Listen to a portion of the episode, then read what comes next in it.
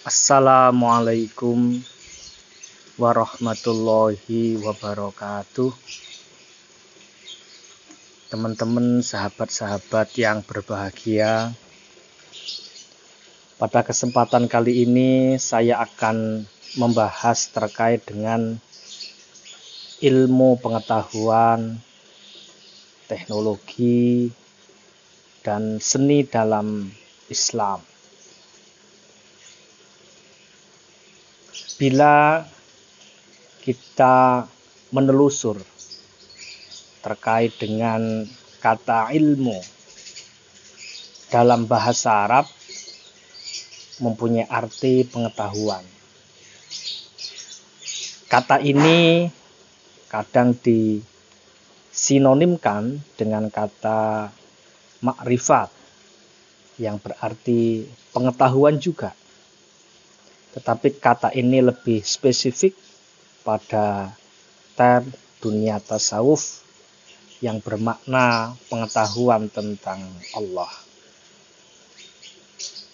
Dalam berbagai bentuk dan arti di dalam Al-Quran kata il itu disebutkan sampai 854 kali yang digunakan dalam arti proses pencapaian pengetahuan dan objek pengetahuan. Ya. Secara istilah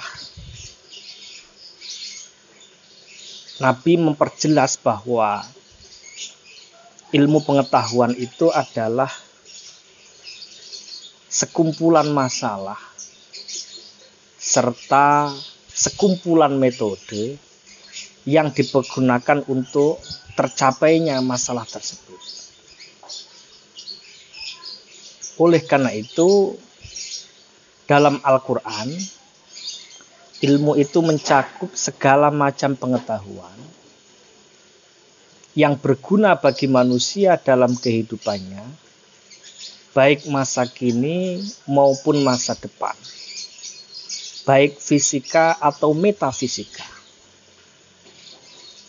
Oleh karena itu, ilmu pengetahuan dalam konteks definisi di dalam Al-Quran itu adalah segala macam pengetahuan, apa pun bentuknya yang bermanfaat untuk manusia,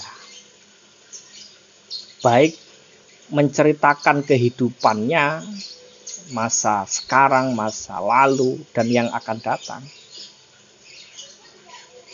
Oleh karena itu, ilmu pengetahuan adalah sebuah sistem yang berasal dari pengamatan, studi, dan percobaan secara logis terhadap berbagai masalah untuk menentukan hakikat dan prinsip tentang hal yang sedang dipelajari baik fisika maupun metafisika dengan metode-metode tertentu yang berguna bagi kehidupan manusia. Maka ilmu pengetahuan pasti akan mengalami perkembangannya. Oleh karena itu, ilmu pengetahuan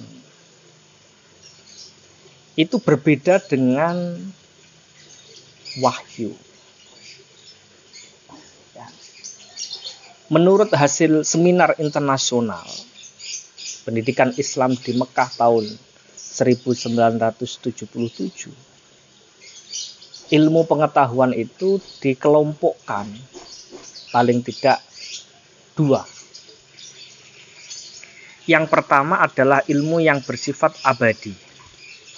Nah, yang kemudian kebenarannya adalah berdasarkan wahyu ilahi yang tingkat kebenarannya adalah absolut. Maka Al-Quran itu tidak pernah mengalami perubahan. Tetapi kalau undang-undang mengalami perubahan, ilmu pengetahuan mengalami perubahan. Yang nomor dua adalah ilmu yang bersifat perolehan.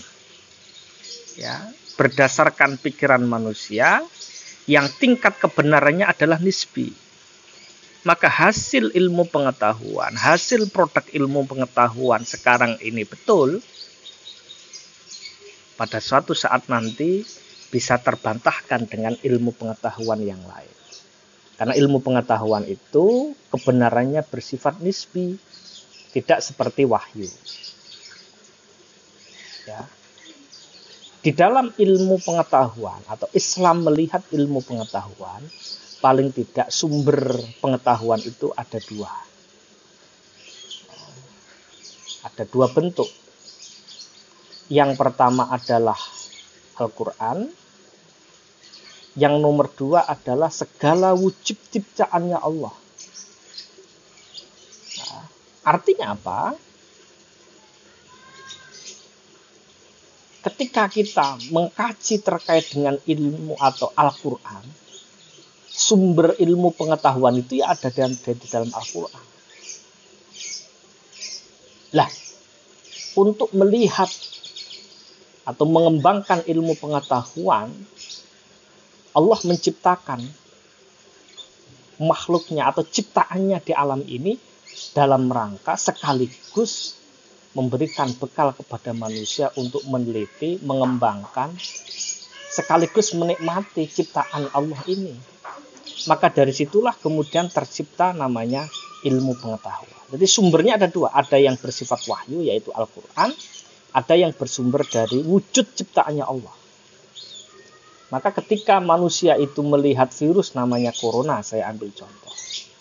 Maka dari makhluknya Allah yang disebut corona itu menghasilkan ilmu pengetahuan dan teknologi.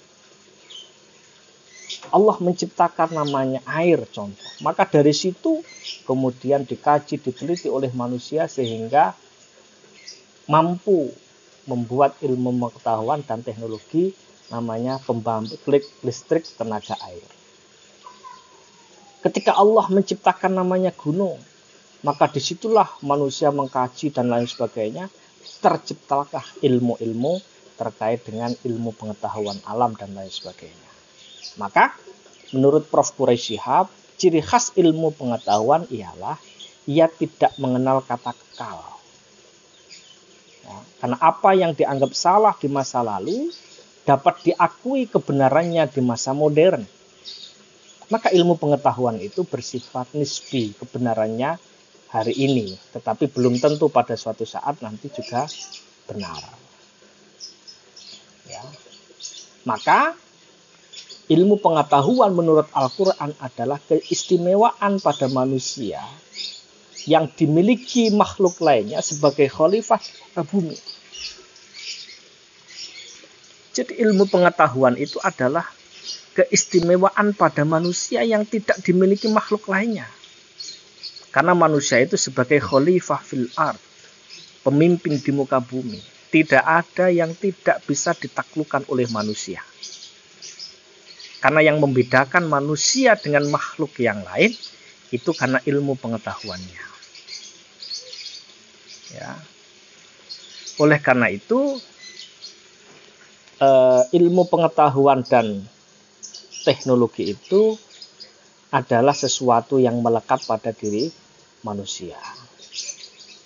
Nah, teknologi itu bersifat netral.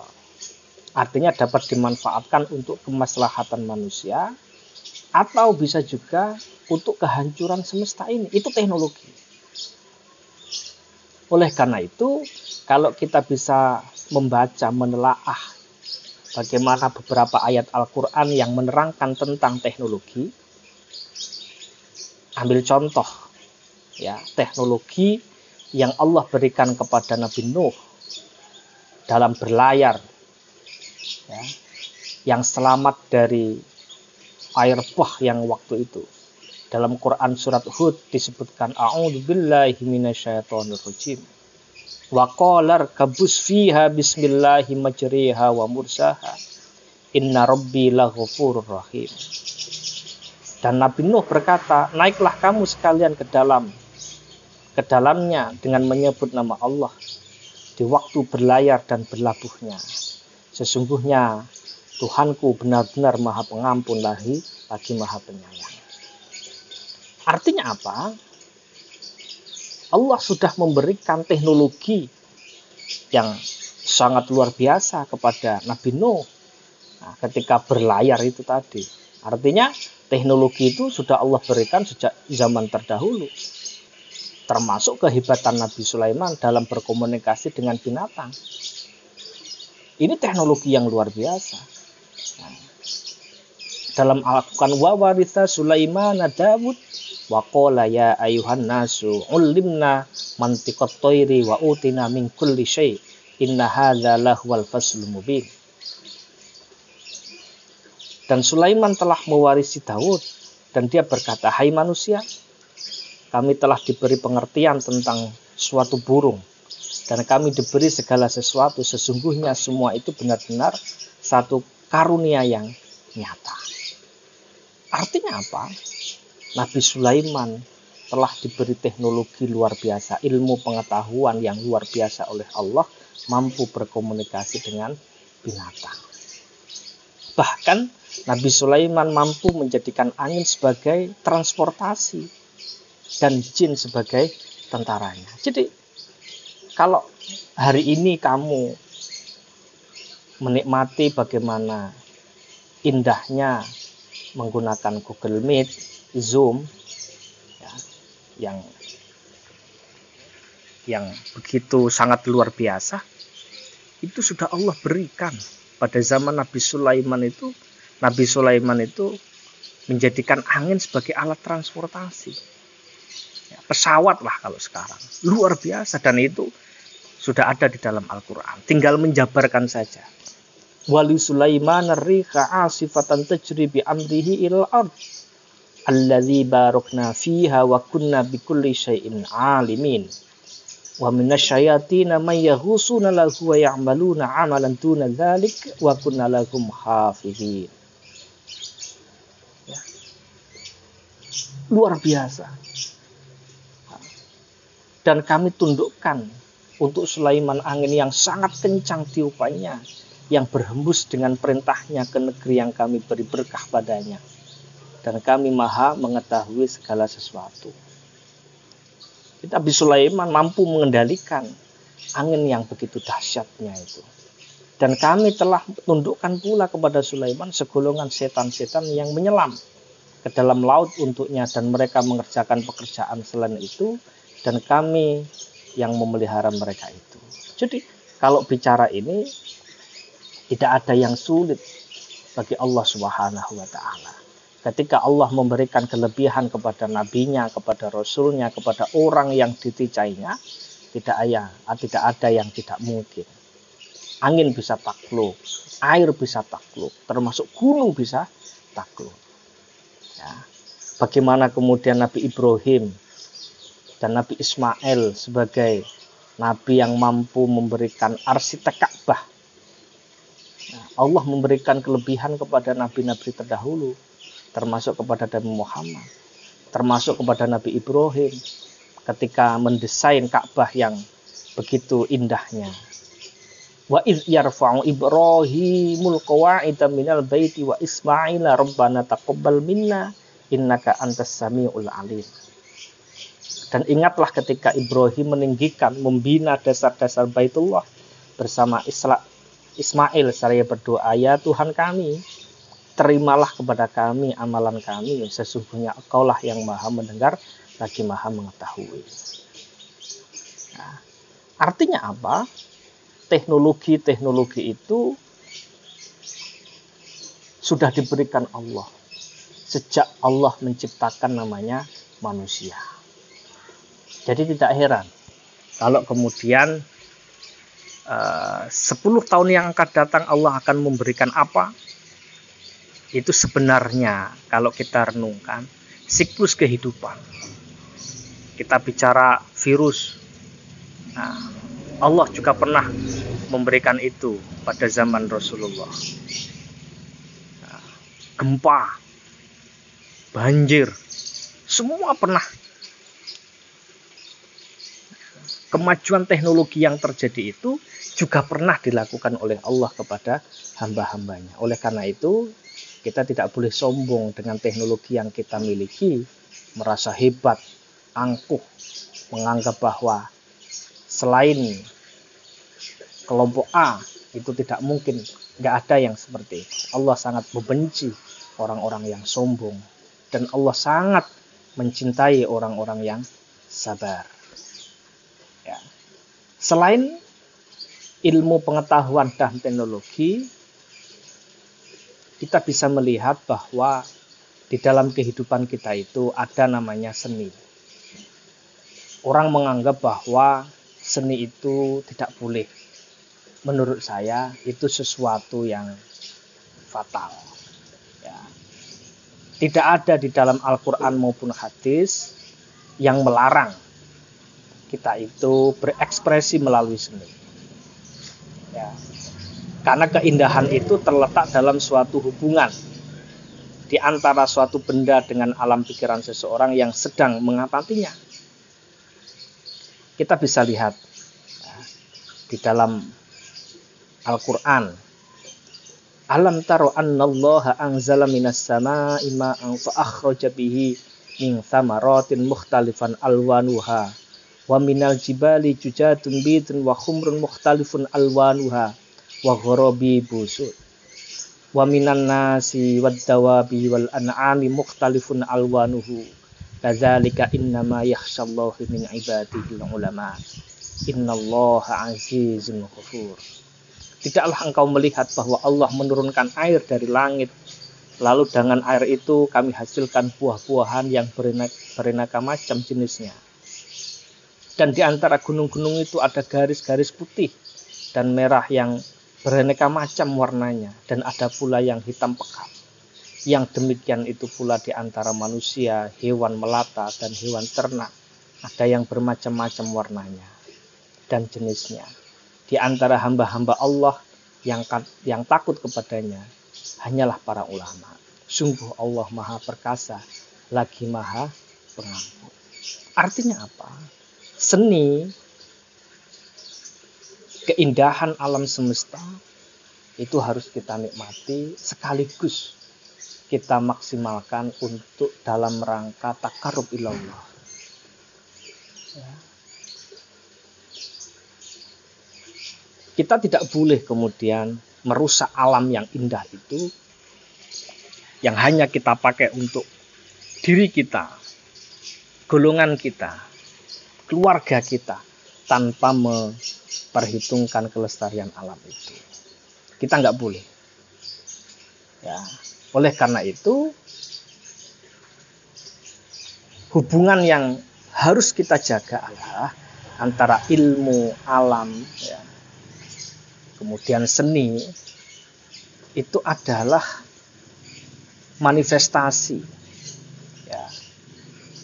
sebagai tanda kebesaran Allah yang merupakan menyikap sebagian rahasianya dan manifestasi Allah.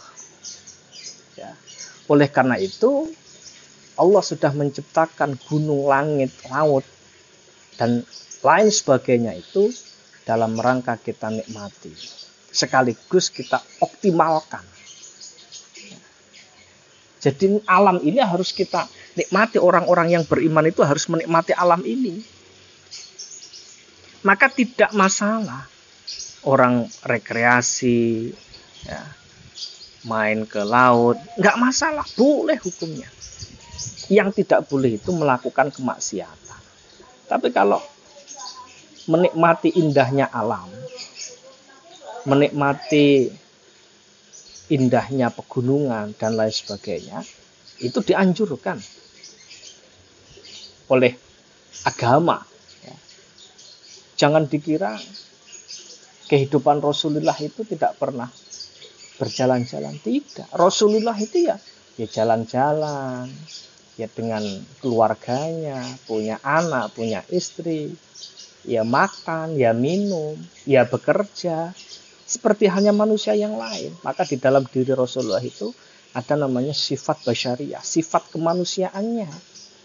Jadi jangan dibayangkan Rasulullah itu harus selalu di masjid terus. Oh enggak. Ya, tidak. Rasulullah juga bekerja, Rasulullah juga punya anak, Rasulullah juga tidur, Rasulullah juga sholat. Nah, Oleh karena itu, seni di dalam ajaran agama Islam itu sangat-sangat diperbolehkan. Maka menurut Syekh Yusuf Kordowi bahwa mengambil gambar, fotografi, ya, di mana ia proses menangkap bayangan dengan perangkat modern itu tidaklah dilarang. Ya, mendengarkan uh, musik, nyanyian, ya, semua ulama sepakat bahwa itu hukumnya boleh, mubah, dan tergantung niatannya. Yang tidak boleh itu adalah nyanyian musik dalam rangka membantu melakukan kemaksiatan. Mohon maaf, contoh nyanyi bersama pemandu lagu, karaoke lah itu ya nggak boleh. Tapi kalau menikmati lagu musik itu boleh-boleh saja. Karena ini bagian daripada keindahan yang diberikan oleh Allah kepada kita. Ketika Allah sudah memberikan keindahan itu, eh, memberikan seni di dalam kehidupan, ya pastilah ya, Allah memperbolehkan itu selama tidak berlebihan, selama tidak menimbulkan kemaksiatan. Oleh karena itu, ilmu pengetahuan, teknologi, dan seni hakikatnya adalah ilmu yang diberikan Allah kepada kita dalam rangka mendekatkan diri kepada Allah Subhanahu wa taala. Jangan diniatkan dalam rangka menjauh.